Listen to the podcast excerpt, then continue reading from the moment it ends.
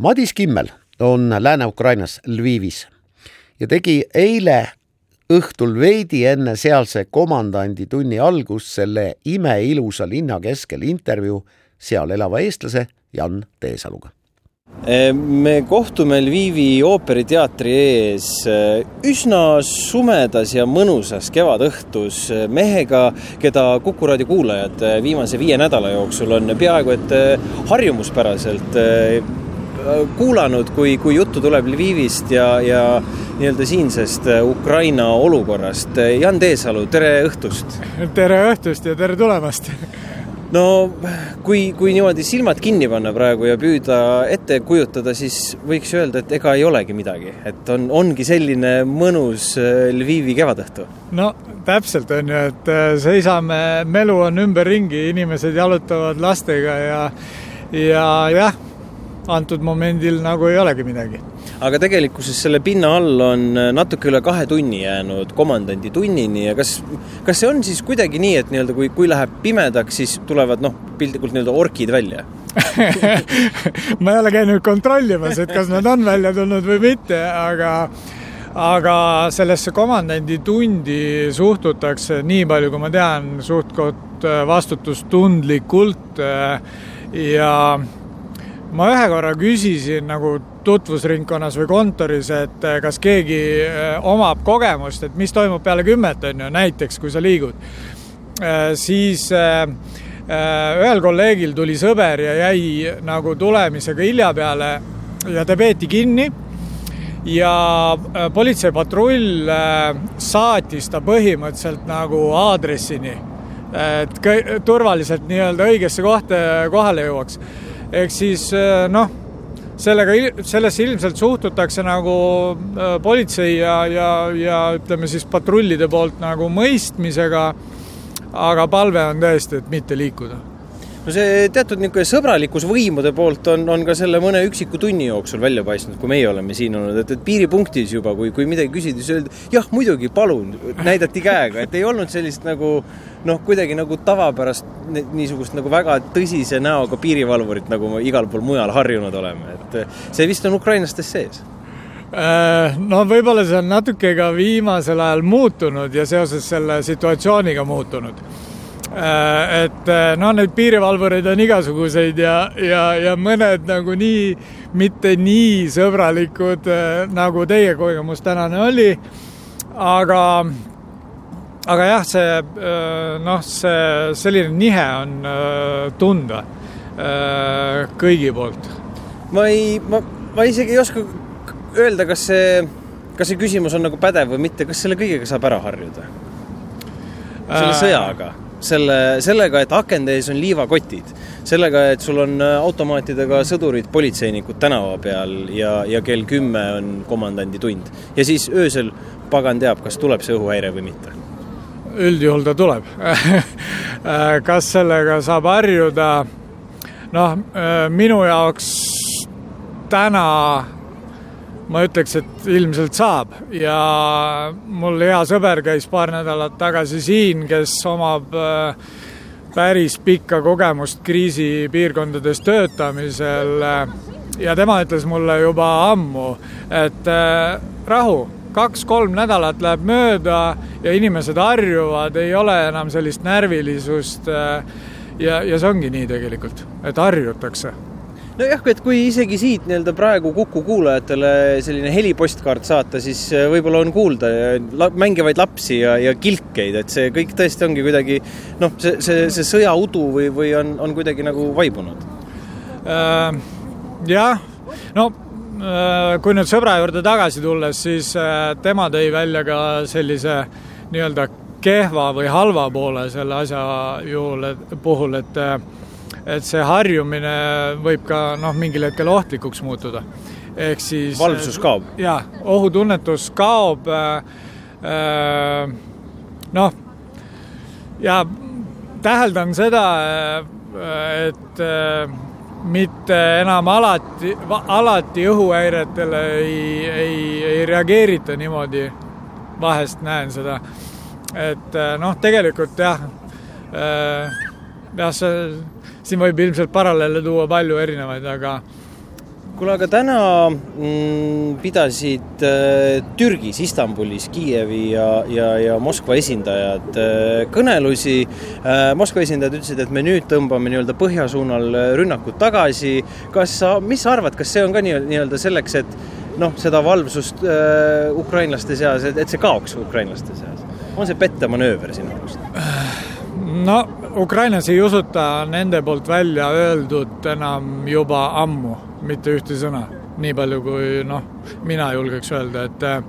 et valdavalt nad ikkagi peavad äh, seda vastaspoolt nagu valetajateks ja, ja, ja niimoodi äh, nii-öelda eksi, eksiteele viijateks, on ju, kõikide oma sõnavõttude ja, ja positsioonidega, et jah, ei oska nagu öelda. aga, aga läbirääkimiste puhul on see, et Äh, see on niisugune kohalik nali juba, et äh, kui on äh, läbirääkimiste päev, siis on kõva pommitamise ja, ja õhuhäirepäev. no algas ka ju täna nii-öelda Mikolaevi kuberneri siis reside- või mitte residentsi, vaid ametihoone administratsiooni, administratsiooni pommitamisega, no need augud ja see, see oli ikkagi nagu täiesti halastamatu see on jõhker jah, ja, ja, ja noh, seal oli ka päris palju minu teada hukkunuid, nii et jah, noh, sellega noh, ja juba nagu nii-öelda halb sõna, harjutakse, aga neid sihtmärke vastaspoolel nagu üldse ei valita ja kohati on nagu selline tunne, et, et see ongi just see taktika, et äh, suruda nagu selle kurbuse ja ängistusega nagu põlvili nii rahvas kui ka valitsejad, et, et minna rohkem ja rohkem nii-öelda äh, aktsepteerimise teed, just nende vastaspoole nõudmiste aktsepteerimise teed. kuule, aga Jaan, me oleme juba nii-öelda harjunud sind kuulama raadioeetris, aga me ei tea sinust endast tegelikult äh, suurt midagi, ole, hea, räägi pisut äh, no jah, ma olen äh, tagasihoidlik mees, tegelen ehitussektoris, kolisin Ukrainasse juba kümme aastat tagasi. Äh, ja, ja põhitöö iga päev on meil äh, teras, alumiinium, klaaskonstruktsioonide projekteerimine, mingil määral ka tootmine. Ja, ja oleme sellise äh, rahvusvahelise ehituskontserni Ukraina osa nii-öelda ja, ja töötame valdavalt siis Skandinaavia turule kas seda igapäevatööd, mida sa kirjeldasid, saab üldse teha, oled sa seda saanud viis nädalat äh, nüüd teha? Äh, jaa, ma olen seda saanud teha ja minu siia jäämise äh, noh, ikkagi põhiline põhjus oli ka see, et noh, esiteks minu elu on viimase kümne aasta jooksul juba valdavalt, peaaegu et ainult Ukrainaga seotud äh,. Äh, ja teine asi on just see töö ja see vastutus ja need inimesed, kes sul siin kõrval on, on ju, et äh, noh, nagu ma olen ka eelnevalt öelnud, et äh, sõda ei ole ju ainult sõdimine, on ju, et sõda on majanduslik, ta on sotsiaalne nähtus, on ju, ja, ja igaüks on,